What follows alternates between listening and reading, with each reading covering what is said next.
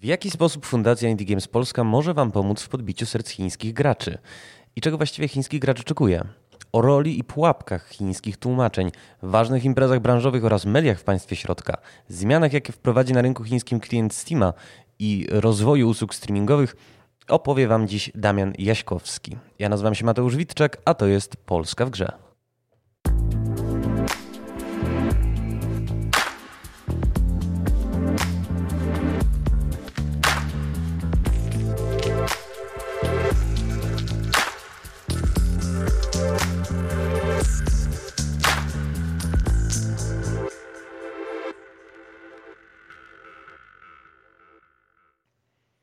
Łączymy się dzisiaj z Damianem Jaśkowskim. Chyba mogę powiedzieć już oficjalnie, że y, no, naszym nowym narybkiem Fundacji Indie Games Polska. Tak, rzeczywiście tak. E, od e, stycznia tego roku e, opuściłem Instytut Polski, Wydział Kultury Ambasady Rzeczypospolitej Polskiej w Pekinie i dołączyłem do fundacji jako koordynator do spraw rynku chińskiego. Oczywiście należą Ci się za to cyfrowe oklaski ale nie będziemy... Brzmią przed... bardzo przekonująco. Nawet przekonywająco. Y, Damianie drogi, bo y, faktycznie dołączyłeś do fundacji, ruszyłeś z konsultacjami y, i stała się rzecz przedziwna, to znaczy myśmy musieli, pomimo tego, że termin był bardzo rychły, te konsultacje w pewnym momencie zamknąć, bo był tak duży napływ chętnych. Ruszasz już niedługo i skłania mnie to do bardzo fundamentalnego pytania, na czym Twoja pomoc będzie właściwie polegać?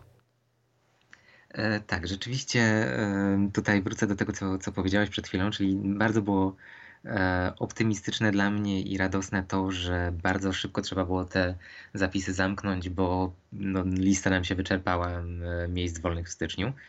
Ale wracamy w lutym i w kolejnych miesiącach, także na pewno te osoby, które nie zdążyły się zapisać, będą miały jeszcze okazję z tych konsultacji skorzystać. Przede wszystkim chodzi o to, żeby pokierować te firmy, żeby e, dać im informacje na temat tego, w jakim kierunku powinny podążać, żeby do chińskiego rynku w jakiś tam sposób dotrzeć.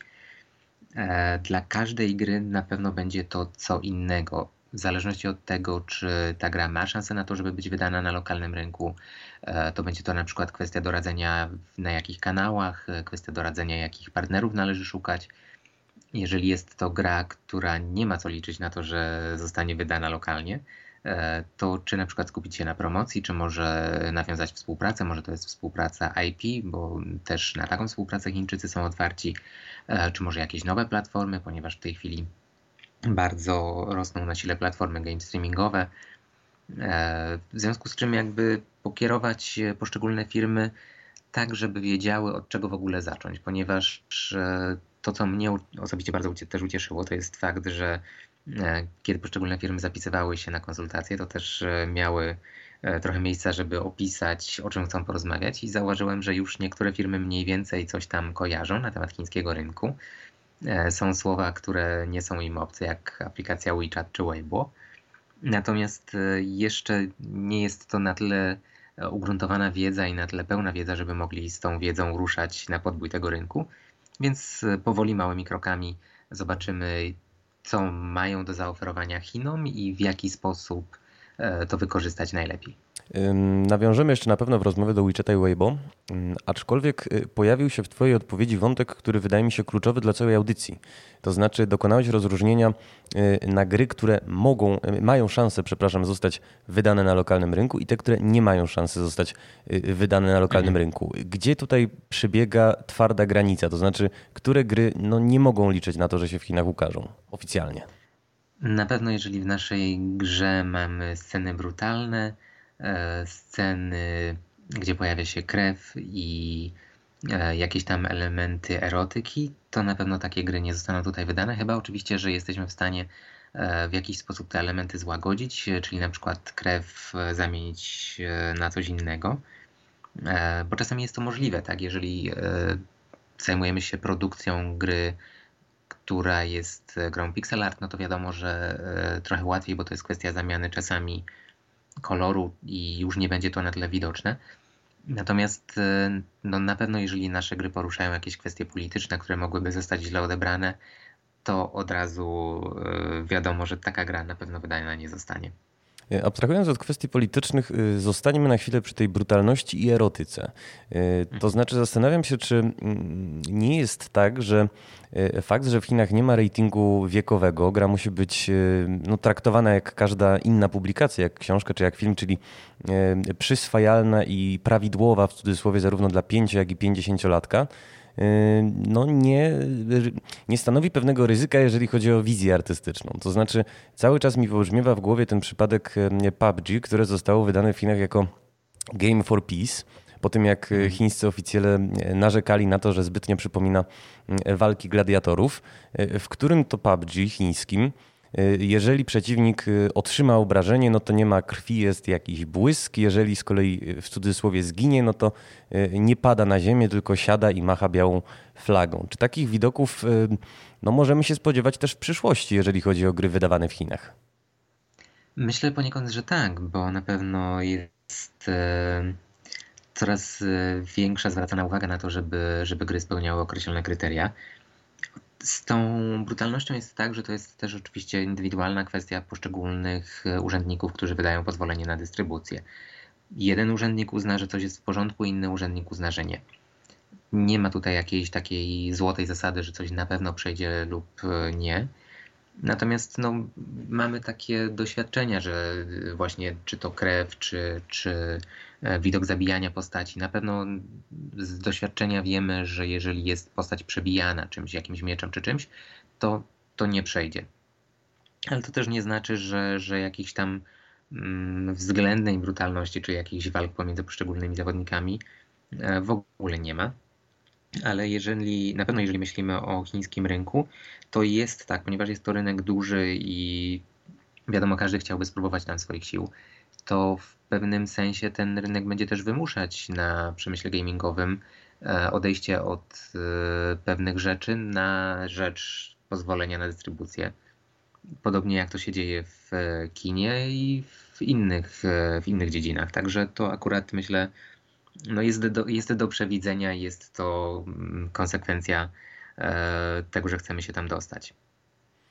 A czy każdy y, rzeczywiście może się tam dostać? Pytam w kontekście liczb, które y, wyczytałem w raporcie PARPU i Game Industry Conference. Mówię tutaj o The Game Industry of Poland 2020. Y, wynika z tychże liczb, że 39% zespołów w Polsce, a jest to no, duża liczba 440 studiów, zatrudnia 5 osób lub nawet mniej. Czy takie właśnie mikrozespoły mają szansę się do kin dostać i czy właściwie powinny się do ciebie zgłaszać? Ja myślę, że tak, bo to nie jest tak, że tylko duże firmy mają tam szansę.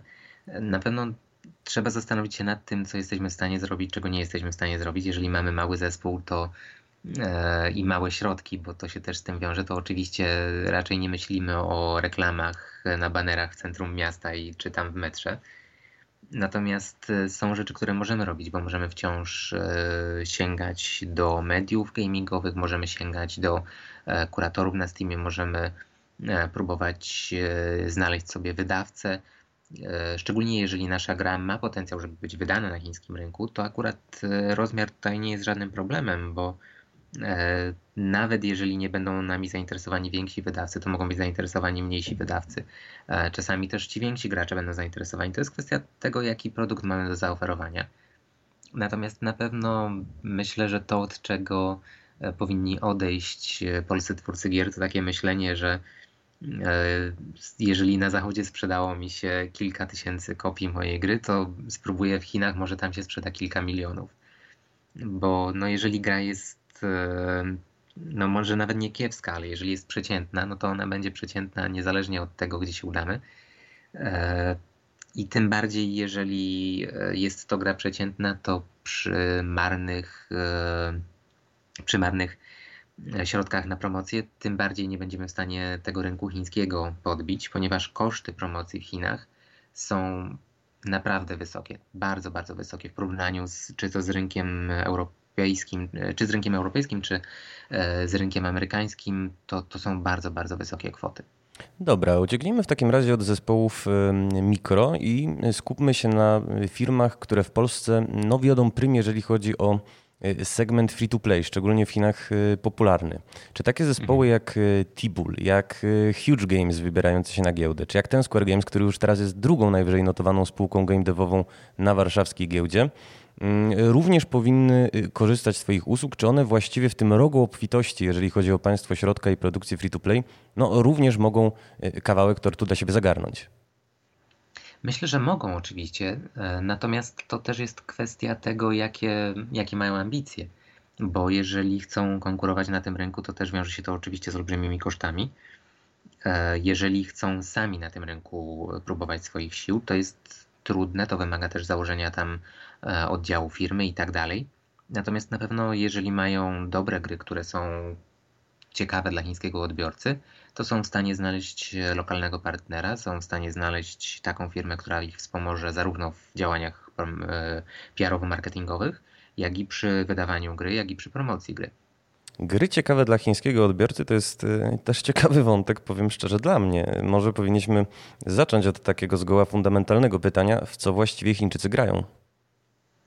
Grają we wszystko. E, tak naprawdę, jeżeli myślimy o tym rynku, są jakieś ogólne zasady, czyli y, na pewno gry dynamiczne, gry nastawione na konkurencję e, pomiędzy poszczególnymi graczami są popularniejsze niż e, gry typowo RPG, w których mamy jakąś tam głębszą historię.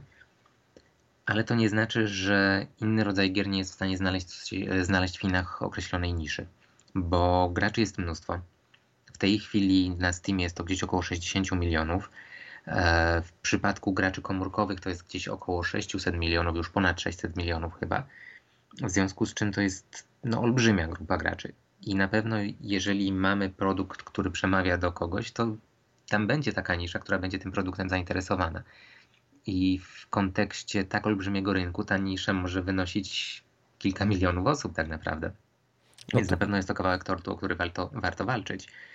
Natomiast e, jeżeli myślimy o przeciętnym chińskim graczu, to na pewno właśnie gry dynamiczne, free to play, zdecydowanie, w których może konkurować z innymi osobami, pokazać, że jest najlepszy. E, jeżeli chodzi o styl, to na pewno preferują gry kolorowe niż e, w takich barwach raczej ponurych i smętnych. E, przerysowane. Coś w stylu League of Legends po prostu. No właśnie ten League of Legends, y, Legends to jest y, no rzeczywiście taki koronny przykład y, gier popularnych w Chinach, znanych na całym świecie, co się wcale tak często znowu nie zdarza. Aczkolwiek no, równie popularny, popularna jest Dota, równie popularny jest Hearthstone, a pierwszym, czy jednym z pierwszych takich zachodnich sukcesów na tym rynku był konfrontacyjny Red Alert. Powiedziałeś, że lubią te gry dynamiczne, rywalizacyjne, kolorowe. Y, rozumiem, że jest tutaj jakaś y, no, kulturowa podbudowa, dlaczego wybierają takie właśnie, a nie inne produkcje. Przepraszam, to się wytnie. Jasne. tak, jeżeli chodzi o to, to tak naprawdę Chińczycy od najmłodszych lat są uczeni rywalizacji. Jest rywalizacja w szkole, tak naprawdę już w przedszkolu, żeby dostać się do dobrego przedszkola, e, trzeba mieć już osiągnięcia. E, później idziemy do szkoły, idziemy do gimnazjum, do liceum i na każdym szczeblu edukacji jesteśmy uczeni, że musimy być najlepsi. Efekt tego jest taki, że jest olbrzymia, olbrzymia presja na te dzieciaki, szczególnie na te dzieciaki, e, które potem idąc na studia mają te chwilę oddechu i bardzo chętnie grają. Z kolei później idą do pracy i znowu jest, e, jest olbrzymia presja, bo niestety w wielu firmach chińskich współcześnie uprawia się model pracy 996, czyli 9, od 9 do 9 6 dni w tygodniu.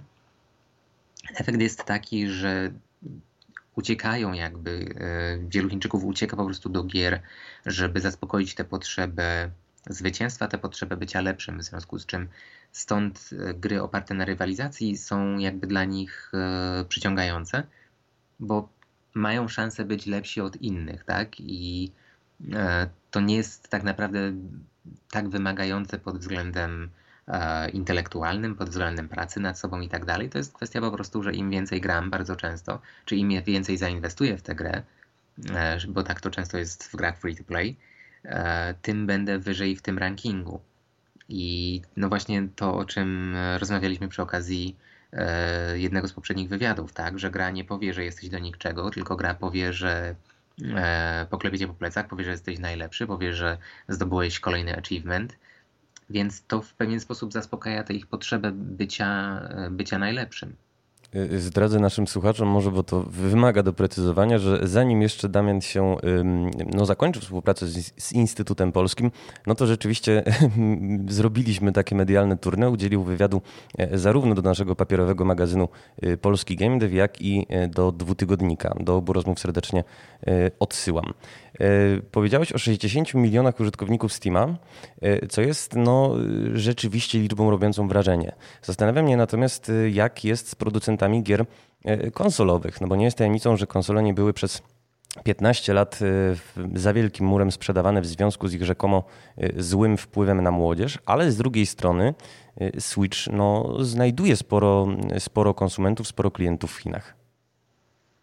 Tak, konsole to jest na pewno mniejszy rynek. Trzeba to sobie powiedzieć i mieć tego świadomość, bo to jest e, ledwie parę procent całego rynku chińskiego, całych przychodów, które ten rynek generuje, e, ale jest to na pewno sektor rosnący, szczególnie właśnie jeżeli chodzi o e, konsole, które są dostępne dla Chińczyków w drodze, ponieważ Chińczycy bardzo dużą część życia spędzają na komunikacji. Siedzą w metrze, siedzą w autobusie, siedzą w samochodzie, E, stojąc w korku właściwie, e, jadą do pracy i później wracają z pracy, w związku z czym e, dobrym, dobrą formą rozrywki w tego typu sytuacjach jest właśnie wyciągnąć sobie czy komórkę, czy coś innego, w co mogliby zagrać. Dlatego Switch bardzo dobrze się tam sprzedawał. Chociaż nie był, dost- znaczy był poniekąd dostępny oficjalnie, nie do może nie do końca oficjalnie tak naprawdę. On był dostępny lokalnie, przy czym były to platformy sprowadzone po prostu z zagranicy. E, sam miałem często sytuacje takie, że za każdym razem, e, kiedy e, jechałem do Polski, akurat w okolicach premiery Switcha, znajomi Chińczycy prosili mnie, żebym w Polsce kupił im tyle konsol, ile jestem w stanie unieść i, i przywieźć do Chin. Teraz niedawno Tencent przygotowywał się do wydania e, konsoli e, Nintendo Switch na rynek chiński już rzeczywiście oficjalnie, bo to jest e, Tencent Nintendo, czyli taka partnerska jakby spółka pomiędzy Nintendo a Tencentem, typowo na chiński rynek, w ramach której wydano, wydają platformę Switch. To jest wydanie specjalne w kolorach Mario i rzeczywiście no, jest, jest duże zapotrzebowanie na te konsole chociaż jest e, oczywiście kwestia tego, że no jest ograniczona dostępność gier w tym oficjalnym obiegu, bo rzeczywiście no, gry, które miałyby być dostępne na te lokalne konsole, muszą przejść przez cały ten proces e, akredytacji, muszą uzyskać pozwolenie i zgodę na dystrybucję w Chinach, w związku z czym jest to ograniczona liczba gier. Natomiast mimo wszystko Chińczycy są bardzo zainteresowani i Switch na pewno w Chinach ma się dobrze. E, dobrze, że wspomniałeś o Tencencie. Dzisiaj, przypomnę, prowadzimy tę rozmowę w e, poniedziałek. Dowiedzieliśmy się, że e, nabył udziały w Clay, czyli twórcach Don't Starva. No i nie jest też tajemnicą, że Tencent w ogóle ma sporo udziałów, jeżeli chodzi o takie wiodące spółki game devowe. Mam tutaj na myśli i Epic Games, czyli autorów Fortnite'a, i Bluehole, czyli autorów PUBG, ale też w Ubisoftie, Glue Mobile czy E, Activision Blizzard. No jest też właścicielem e, Riot Games i Grinding Gear e, Games, sukcesywnie League of Legends, o którym mówiliśmy, i Path of Exile. Rozwija też własne studio deweloperskie, inwestuje w kino. Powiedz mi, czy tych przejęć i wykupień Tencenta powinniśmy się spodziewać w nadchodzących latach więcej i czy powinniśmy się ich jako zachodni, europejscy gracze obawiać? Na pewno, będzie, na pewno takich przyjęć będzie więcej, ponieważ Tencent cały czas jeździ po świecie i szuka e, studiów, czy to do przejęcia, czy do zainwestowania. E, miałem styczność z Tencentem wiele razy i też e, zdarzyło mi się być na wizycie studyjnej z przedstawicielami Tencenta w Polsce. I byliśmy w kilku firmach i wiem, że z kilkoma firmami też się kontaktowali, polskimi firmami, w które chcieli zainwestować, chcieli wykupić pakiet akcji więc e, są na pewno tym zainteresowani, szukają studiów na całym świecie, które, e, które by ich interesowały, które mogłyby czy to przejąć, chociaż nie do końca są zainteresowani pełnym przejęciem, e, czy raczej w nie zainwestować. czy powinniśmy się tego obawiać, to jest kwestia do zobaczenia, bo mm, na tę chwilę ciężko jeszcze stwierdzić. Wydaje mi się, że obecnie Tencent nie ingeruje zbyt mocno w te firmy, które, w które inwestuje. Natomiast na pewno, ponieważ Tencent przede wszystkim chce E, chce mieć z tego jakiś przywód, prawda? No nie, nie inwestujemy po to, żeby, żeby inwestować, tylko inwestujemy po to, żeby móc na tym zarobić, w związku z czym na pewno możemy się spodziewać tego, że będzie raczej chętnie inwestował w te tytuły, które mają większą szansę na, na podbicie rynku. I to może się przekładać na to, że na przykład studia niezależne czy projekty niezależne mogą mieć e, trudniej o zdobycie finansowania, bo to jest coś, co obserwujemy w tej chwili w Chinach, czyli jest mnóstwo projektów, które są bardzo chętnie, e, bardzo chętnie dofinansowywane przez większe firmy e, w skali właśnie Tencenta, NetEase czy, czy tego typu. Natomiast te firmy chętniej inwestują w te tytuły, które są kopiami innych tytułów, które odniosły sukces, bo dla nich jest to mniejsze ryzyko inwestycyjne jeżeli ktoś przychodzi do nich z, z projektem, który jest kompletnie nowy i nie mają żadnego punktu odniesienia i nie wiedzą, czy ten projekt wypali, czy nie, to oczywiście ryzyko inwestycyjne jest dużo, w związku z czym takie, takie projekty w Chinach y, trudniej uzyskują e, finansowanie, trudniej uzyskują wsparcie. Natomiast y, projekty właśnie, które są poniekąd kopiami właśnie, mają trochę łatwiej.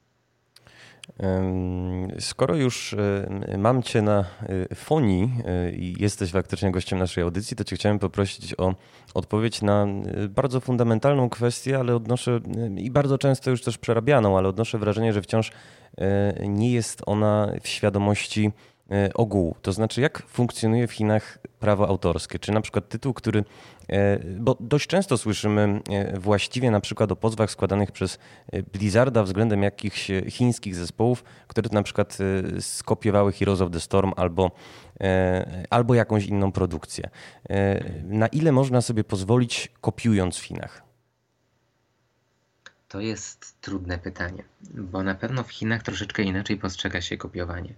Jest tak, że mm, kopiowanie pewnych pomysłów czy pewnych rozwiązań jest uważane też wręcz za formę hołdu. Czyli jeżeli kopiujemy jakiś pomysł, to kopiujemy go dlatego, że on jest dobry, że nam się podoba i chcemy pokazać, że jest to fajny pomysł. Natomiast e, z punktu widzenia prawnego oczywiście istnieje w Chinach ochrona praw autorskich. To nie jest tak, że, że tych praw nie ma. Natomiast ta, ta granica pomiędzy plagiatem a a inspiracją jest bardzo cienka i to już e, indywidualnie za każdym razem e, sąd te sprawy rozpatruje. Natomiast na pewno dla zachodnich e, studiów, które nie mają przedstawicielstwa w Chinach, ciężej jest wziąć w takich sprawach udział, ponieważ muszą znaleźć sobie na miejscu firmę prawniczą, która będzie za nich tę sprawę prowadzić. Także no nie, jest, nie jest to takie łatwe. No, równie niełatwe, jak się okazuje, bo tutaj mamy już pierwsze kazusy, e, jest, a raczej bywa, e, przełożenie tytułu na język e, chiński. Dlaczego warto to robić i kiedy to może potencjalnie zaszkodzić? Warto to robić zawsze tak naprawdę, jeżeli tylko myślimy poważnie o tym rynku, czy nawet jeżeli nie chcemy jeszcze wchodzić jakby od razu na sam chiński rynek, to tak naprawdę warto przetłumaczyć naszą grę chociażby dlatego, że mamy 60, 60 milionów graczy chińskich na Steamie. Ci gracze chętniej zagrają w grę, która ma chińską lokalizację, niż w grę, która tej lokalizacji nie ma.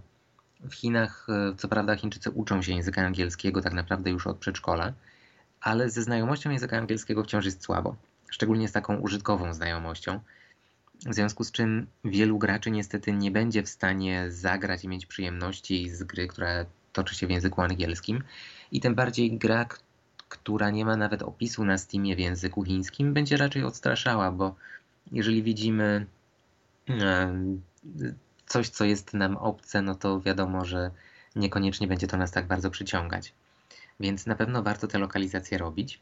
Natomiast e, może się to też rzeczywiście obrócić przeciwko producentom czy przeciwko wydawcom, ponieważ bardzo ciężko jest taką lokalizację przygotować. Bardzo ciężko jest ją przygotować dobrze, oczywiście.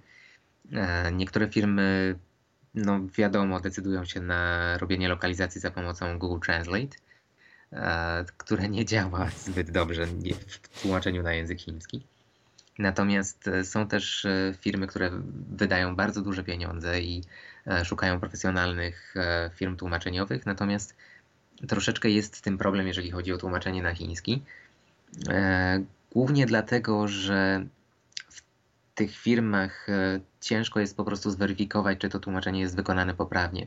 E, one też podzlecają te tłumaczenia firmom z Chin, które z kolei podzlecają to tłumaczom. Stawka przeciętna tłumaczeniowa jest dla, w takich przypadkach, w takich firmach jest bardzo niska.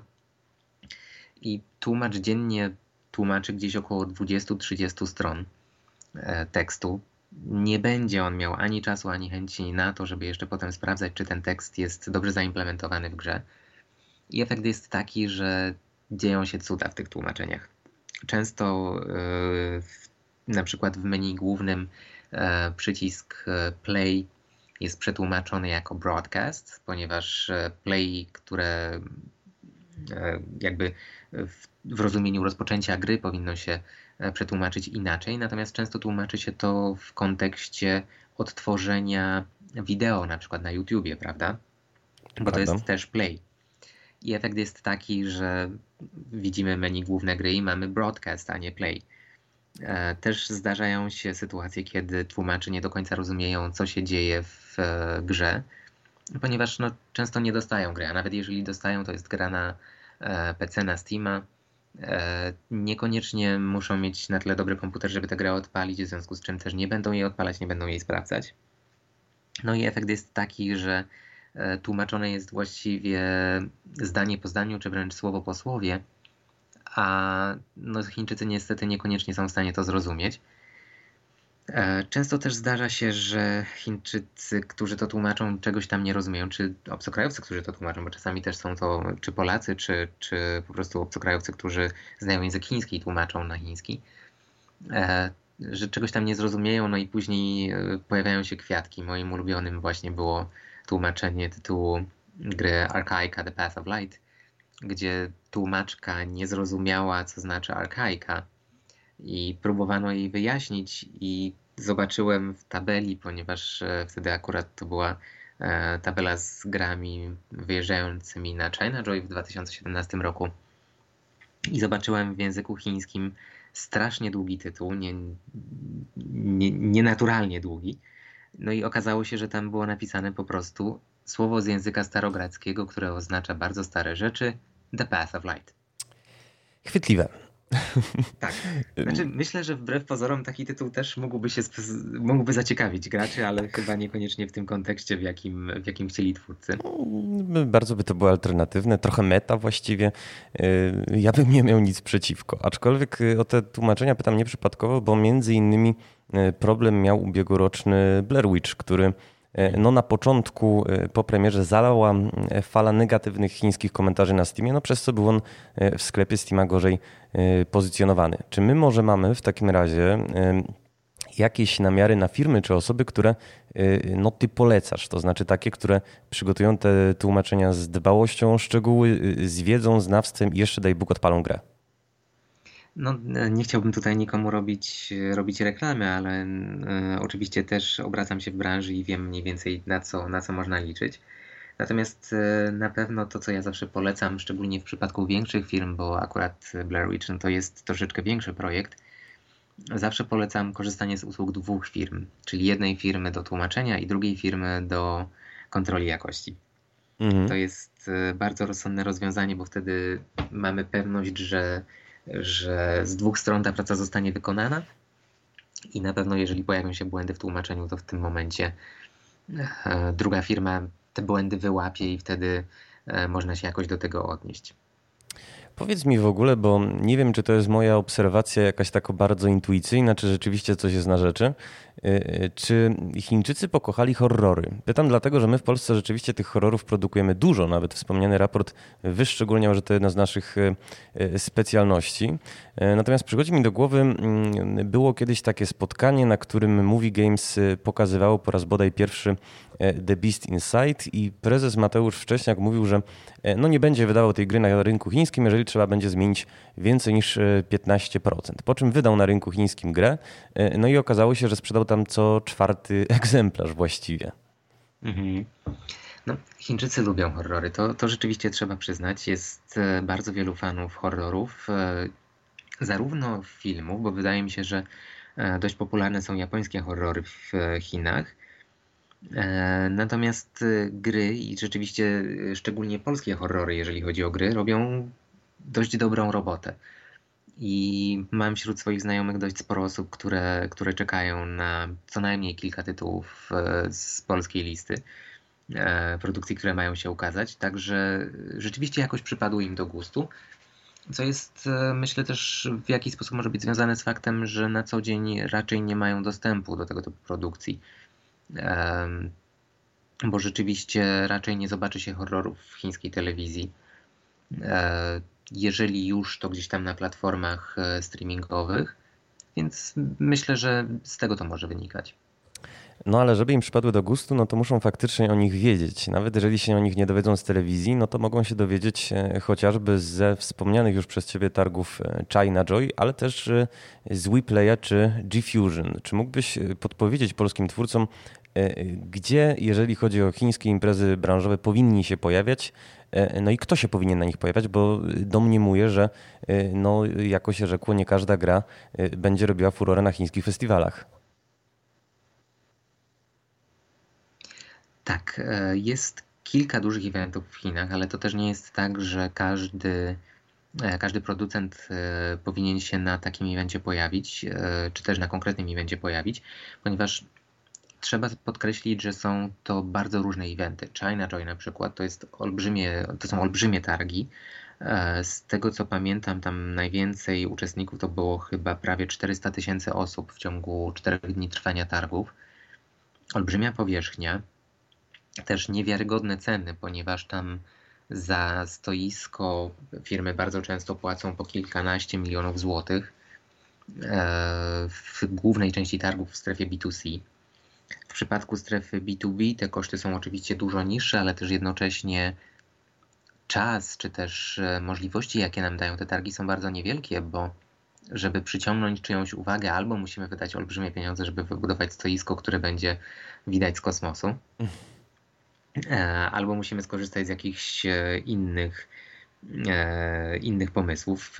W przeszłości, kiedy polscy twórcy gier brali udział w targach China Joy, to było dwa kolejne lata z rzędu. My w Instytucie Polskim organizowaliśmy takie przyjęcie branżowe Polish Games Creative Poland, które było właśnie nastawione na to, żeby dać im więcej czasu, ponieważ tych kilka sekund, które E, miał każdy twórca na China żeby zainteresować potencjalnego partnera, potencjalnego wydawcę, to bardzo niewiele. Więc celem organizacji tych, e, tych imprez było to, żeby dać właśnie więcej czasu, żeby zaprosić polskich producentów, których było gdzieś tam kilkunastu, i chińskich e, producentów, chińskich wydawców, chińskie media, których zazwyczaj było gdzieś około 150 do 200 osób, żeby razem wieczorem E, mogli usiąść do polskich e, i chińskich gier, ponieważ były na obiekcie i takie, i takie gry. Natomiast dzięki temu mieli po prostu ten czas, który był im potrzebny, żeby, żeby z tymi potencjalnymi partnerami porozmawiać, czy zainteresować prasę swoją grą. E, dlatego też my byliśmy bardzo ucieszeni, kiedy zaczęliśmy się angażować w inne targi. I to właśnie są targi G-Fusion w Pekinie i WePlay w Szanghaju. E, obydwie imprezy e, są troszeczkę inne. WePlay jest bardziej nastawiony na gry indie, na nieco mniejsze tytuły, natomiast G-Fusion w Pekinie jest nastawione na trochę większe blockbustery, ale na pewno koszty uczestnictwa, uczestnictwa w takich targach są o niebo niższe niż, e, niż w przypadku China Joy. Natomiast twórcy na pewno powinni zastanowić się nad udziałem w tych targach, czy to we współpracy z Fundacją Indie Games Polska, która E, tutaj aktywnie wspiera te działania, też we współpracy z Ministerstwem Spraw Zagranicznych, Ministerstwem Kultury i Dziedzictwa Narodowego, właśnie Instytutem Polskim w Pekinie. Natomiast e, nie wszystkie gry mogą się na takich targach pokazać, bo musimy pamiętać, że e, taka gra, która nie mogłaby być wydana w Chinach, też nie powinna na tych targach się pokazywać. Zdajemy sobie sprawę też z tego, że e, troszeczkę innymi prawami funkcjonują, e, innymi prawami rządzą się targi. Dlatego e, przeprowadzamy wstępną selekcję. Wiemy, które tytuły no nie mogą być po prostu pokazane, bo byłyby przez to problemy na miejscu. Natomiast też zawsze prosimy o radę organizatorów targów, którzy dają nam informację, czy taka gra może zostać pokazana, czy nie. Co do zasady, nie jest to duży problem, żeby pokazać grę, jeżeli nie jest ona bardzo brutalna i bardzo, um, bardzo niezdatna do pokazania po prostu na lokalnym gruncie. To też jest dobrym, dobrą informacją dla naszych słuchaczy, wśród których domniemuje e, e, trochę polskich twórców, którzy będą chcieli do Ciebie przyjść na konsultację. Mm, przecież jest. E, zastanawia mnie jedno, to znaczy wspomniałeś rzeczywiście, że fundacja wespół zresztą z Ministerstwem Spraw Zagranicznych, no i oczywiście przy bardzo mm, wydatnej pomocy Instytutu Polskiego w Pekinie e, zapewniała polskim twórcom możliwość e, promocji na tym no, no niezwykle atrakcyjnym rynku, no bo e, w kilku przynajmniej przypadkach to już jest drugi rynek, jeżeli chodzi o, o, o przychody, a pierwszy, jeżeli chodzi o liczbę sprzedanych egzemplarzy. Powiedz mi, bo jak myśmy się poznawali kilka lat temu podczas PGA, to ty mi byłeś przedstawiany jako taki właśnie dobry duch polskiej branży, który e, no, pomaga e, wypromować polski game dev w Chinach z sukcesami. Czy po Twoim odejściu z Instytutu Polskiego w Pekinie coś się tutaj zasadniczo zmieni? Um, znaczy, zmiany są, są następ, na pewno są jakieś zmiany, które, które nastąpią, natomiast e, ja dołączyłem do fundacji też po to, żeby właśnie wspierać polskich twórców, którzy chcieliby dystrybuować czy którzy chcieliby pokazać się w Chinach. E, natomiast e, myślę, że tak naprawdę to jest kwestia zmiany miejsca, natomiast na pewno nie jest to kwestia e, osłabienia w jakiś sposób działań, które będą realizowane, bo Instytut Polski w Pekinie na pewno dalej będzie aktywnie promował polskie gry. Osoba, która przyjdzie na moje stanowisko, na pewno o to zadba. E, my z kolei z fundacją będziemy robić e, nieco więcej rzeczy. E, myślę, że nie będzie to wielka, zdradzenie wielkiej tajemnicy, jeżeli powiem, że pracujemy już nad mediami społecznościowymi dla fundacji, żeby właśnie przyczynić się do promocji polskich gier w Chinach. Dlatego myślę, że tak naprawdę ta zmiana jest zmianą dobrą dla polskiego game devu bo z mojej perspektywy fakt, że pracowałem w instytucie, e, oczywiście byłem e, ekspertem do spraw gier, natomiast też e, kierowałem pracą referatu do spraw programowych. Wiązało się to z tym, że no nie mogłem się całkowicie poświęcić.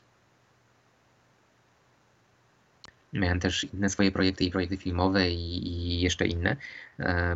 Do tego oczywiście dochodziło mnóstwo pracy administracyjnej, dlatego wydaje mi się, że zmiana, na której e, polski, polski game dev bardzo skorzysta. Bardzo dobrze to słyszeć. E, wspomniałeś o mm, mediach społecznościowych i też się kręcimy wokół tego tematu, to znaczy tego przede wszystkim Weibo i e, WeChata. Jak na nich operować, żeby trafić do chińskiego gracza? Czy, czy są jakieś takie złote rady, które mógłbyś no, zadać jako wieloletni obserwator i no, uczestnik tego chińskiego obiegu medialnego, mediów społecznościowych? Przede wszystkim trzeba te media założyć, bo to jest, to jest myślę główny problem. Wielu polskich twórców wciąż nie ma tej świadomości, że nie wszyscy mają dostęp do Facebooka, nie wszyscy mają dostęp do YouTube'a, więc e, nie przeszłoby, im, nie przyszłoby wielu z nich do głowy, że jeżeli chcą się promować na chińskim rynku, to nie wystarczy przetłumaczyć posta na język chiński i wrzucić go na Facebooka czy na Twittera, że trzeba założyć sobie konto na Weibo.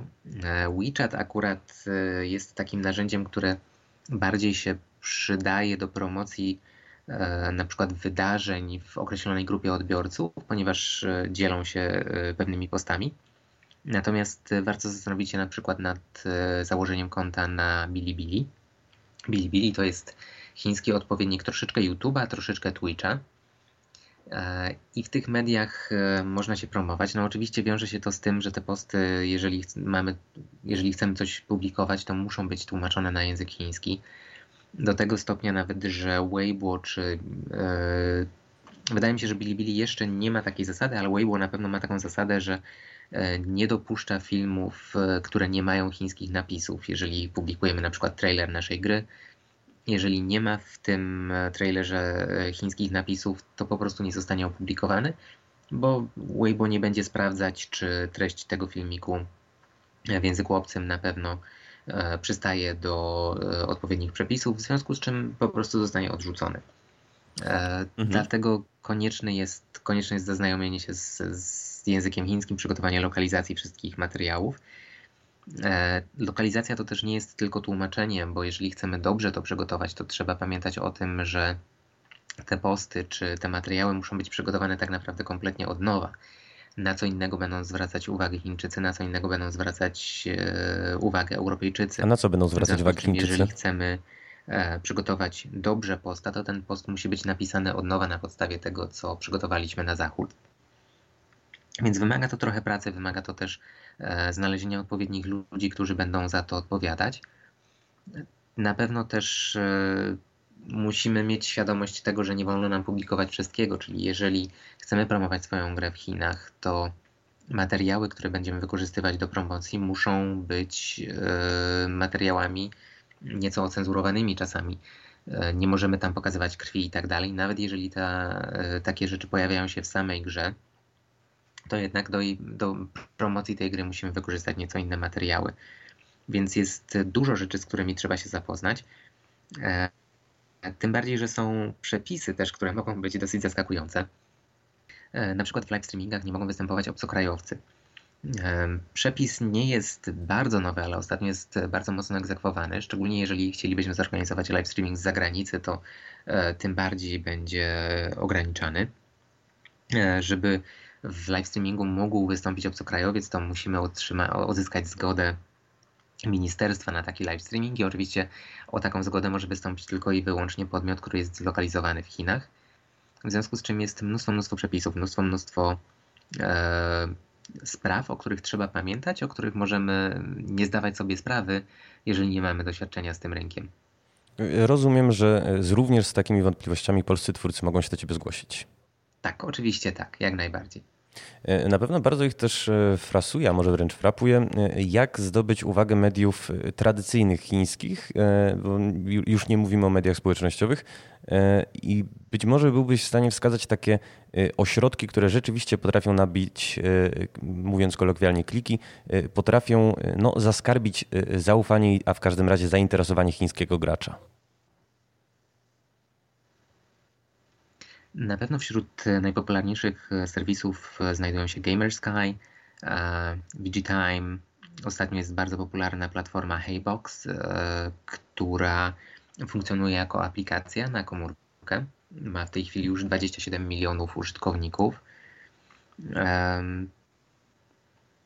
Też są, to jest 17173 w Chinach ogólnie rzecz biorąc Chińczycy lubią e, cyfry, lubią liczby, w związku z czym są przyzwyczajeni do tego typu nazw portali. E, do tego też e, jest G-Course, portal G organizatorem targów G-Fusion. Oczywiście Bilibili też ma swoje kanały, czyli ta platforma, platforma filmowa, streamingowa też ma swoje kanały tak naprawdę dużo jest tych kanałów, którymi powinni się zainteresować, przy czym są, trzeba pamiętać o tym, że są one różne dla poszczególnych gier, ponieważ są kanały, które są wyspecjalizowane w określonych rodzajach gier. Są takie, które specjalizują się w grach multiplayer online, są takie, które specjalizują się w grach karcianych, które są też bardzo popularne w Chinach. W związku z czym e, dla każdej gry te portale mogą się też różnić. Na pewno nie jest łatwo do tych portali dotrzeć, ponieważ E, ważny jest tutaj ten, ten aspekt e, osobistego poznania tych, twór, tych redaktorów, którzy no, niewiele jeżdżą bardzo. E, bardzo to jest duży problem, niewiele jeżdżą po świecie, żeby uczestniczyć w targach, więc nie bardzo jest okazja, żeby się do nich zbliżyć i poznać. Natomiast nie znaczy to, że, że te kanały są kompletnie zamknięte i na pewno warto um, starać się o to, żeby, żeby te informacje tam były publikowane, ponieważ są to dość, e, dość popularne media. No sam fakt, że na platformie Heybox jest 27 milionów użytkowników, to jest, to jest olbrzymia liczba. Myślę, że nie jeden portal lokalny, czy to polski, czy niemiecki, bardzo chciałby mieć e, taką liczbę aktywnych użytkowników. No już e, jako naczelny polskiego game devu nie będę mówił, jak bardzo chcielibyśmy mieć taką liczbę użytkowników. Damian, to na koniec. Halo, Chciał... halo, nie słyszycie teraz? Nie słyszysz mnie teraz, a teraz mnie słyszysz? O, teraz cię słyszę. Doskonale. To słuchaj, na sam koniec chciałem, żebyśmy się zabawili w profetyków. To znaczy od e, no, wielu, wielu miesięcy, jeśli nie lat, e, wisi e, nad nami jakaś taka groźba wprowadzenia chińskiej wersji Steama. Czym ta chińska wersja Steama poskutkuje i jak, no, będą, jak się będą odnajdywać zagraniczni twórcy na tej no, de facto drugiej alternatywnej platformie? E, no, Steam China nadchodzi wielkimi krokami. Wieść niesie, że już, e, już niedługo, podobno nawet w tym kwartale e, tego roku ma się pojawić chińska wersja Steama. To jest, na pewno jest to niedogodność, ponieważ oznacza to, że będzie niezbędna zmiana taktyki, jeżeli chcemy dystrybuować swoje gry w Chinach.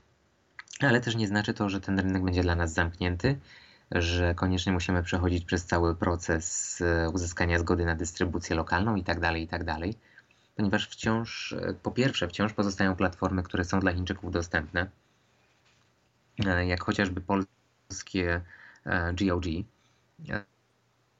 z którego Chińczycy też korzystają i które ma kanał na Weibo i tak dalej, w związku z czym też jest to forma dostępu do, do gier zachodnich.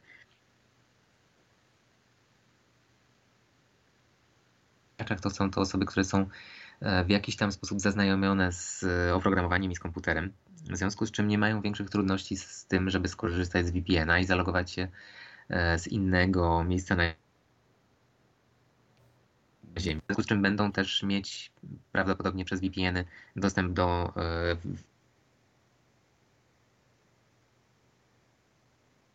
Natomiast pozostaje też taka, można powiedzieć, troszeczkę szara strefa, czyli te platformy, które nie do końca zajmują się dystrybucją gier.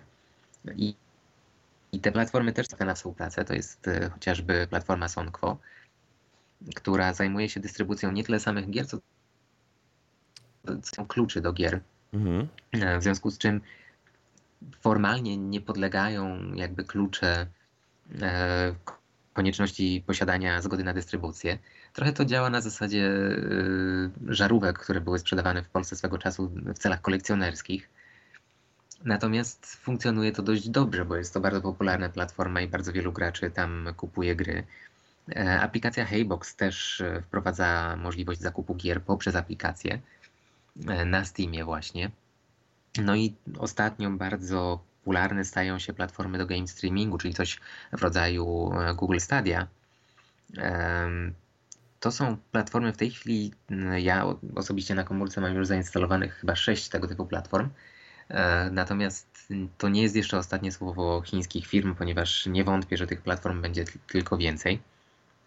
E, I na tych platformach znajdujemy gry zachodnie, ponieważ te platformy nie zajmują się tak naprawdę dystrybucją gier, zajmują się dystrybucją dostępu do gier, które są gdzieś tam na serwerze daleko, daleko. W związku z czym też te gry nie muszą posiadać e, numerów ISBN, nie muszą przechodzić e, przez cały ten proces zgody na dystrybucję.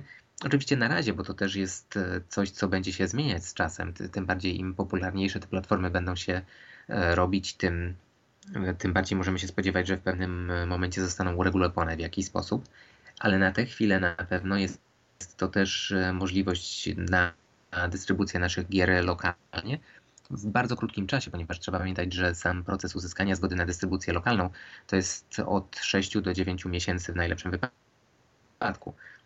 E, są gry, które tej zgody nie otrzymują przez 2-3 lata, bo cały czas tam coś trzeba poprawiać.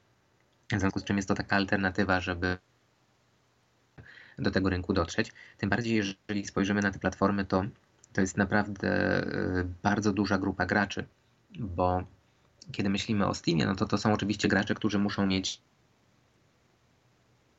komputer, PC-ta w do te gry zagrać. Natomiast w przypadku tych platform do game streamingu wystarczy telefon komórkowy i to, czyli przed chwilą graliśmy tylko w gry mobilne, a teraz tak naprawdę możemy na komórce zagrać w Wiedźmina, prawda? E, więc dla tych graczy, którzy do tej pory nie mieli dostępu do gier e, typowo e, PC, jest to nowa forma, nowe doświadczenie, dzięki czemu mają dostęp do olbrzymiej liczby tytułów, które do tej pory były dla nich kompletnie nieznane. Więc tym bardziej warto z tego typu dróg korzystać, jeżeli tylko mamy takie możliwości. Póki inni nie skorzystali z tej, z tej drogi, to tym bardziej jest szansa dla nas.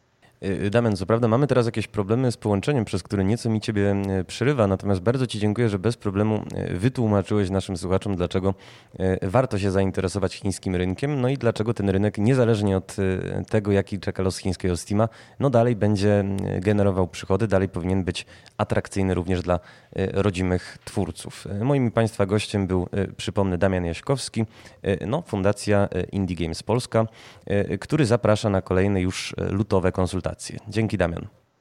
Dzięki również i do usłyszenia.